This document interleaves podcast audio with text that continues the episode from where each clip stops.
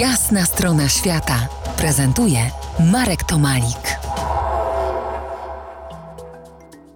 Siedem stanów etnicznie nieindyjskich w północno-wschodnich Indiach Meghalaya, Manipur, Assam, Nagaland, Arunachal Pradesh i Tripura i Mizoram. Opowiedz proszę o kulturze. Czy tak bardzo różni się ich kultura od y, tej, powiedzmy, klasycznej, o ile możemy mówić o kulturze klasycznej w Indiach.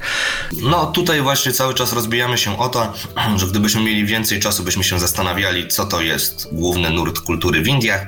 Natomiast y, przede wszystkim z powodów etnicznych i językowych, również w dużej mierze religijnych. Te stany są mm, bardzo specyficzne.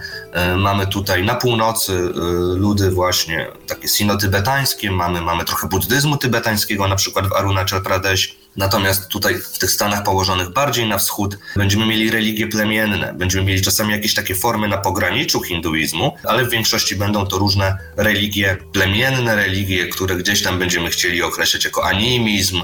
A same społeczności, one są też takie na współplemienne, czy wręcz plemienne? One są jak najbardziej plemienne, tak. Tutaj mamy bardzo duże zróżnicowanie etniczne. W ramach etnosów mamy, mamy plemiona, mamy klany.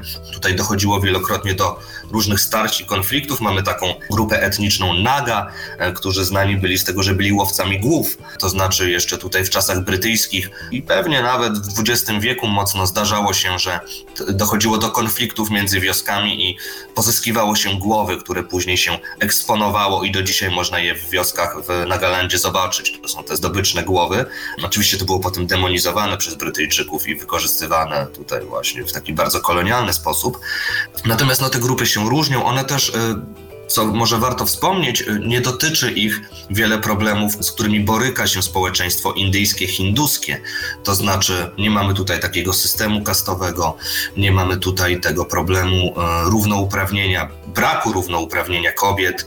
Rzeczywiście pod wieloma względami te grupy są znacznie bardziej, powiedzielibyśmy, demokratyczne czy równościowe, no ale mają oczywiście swoją odrębną kuchnię, sztukę, formy taneczne, z których są bardzo dumne i które trochę w formie, powiedziałbym, takiego skansenu albo ciekawostki etnologicznej, etnograficznej również rząd indyjski wykorzystuje.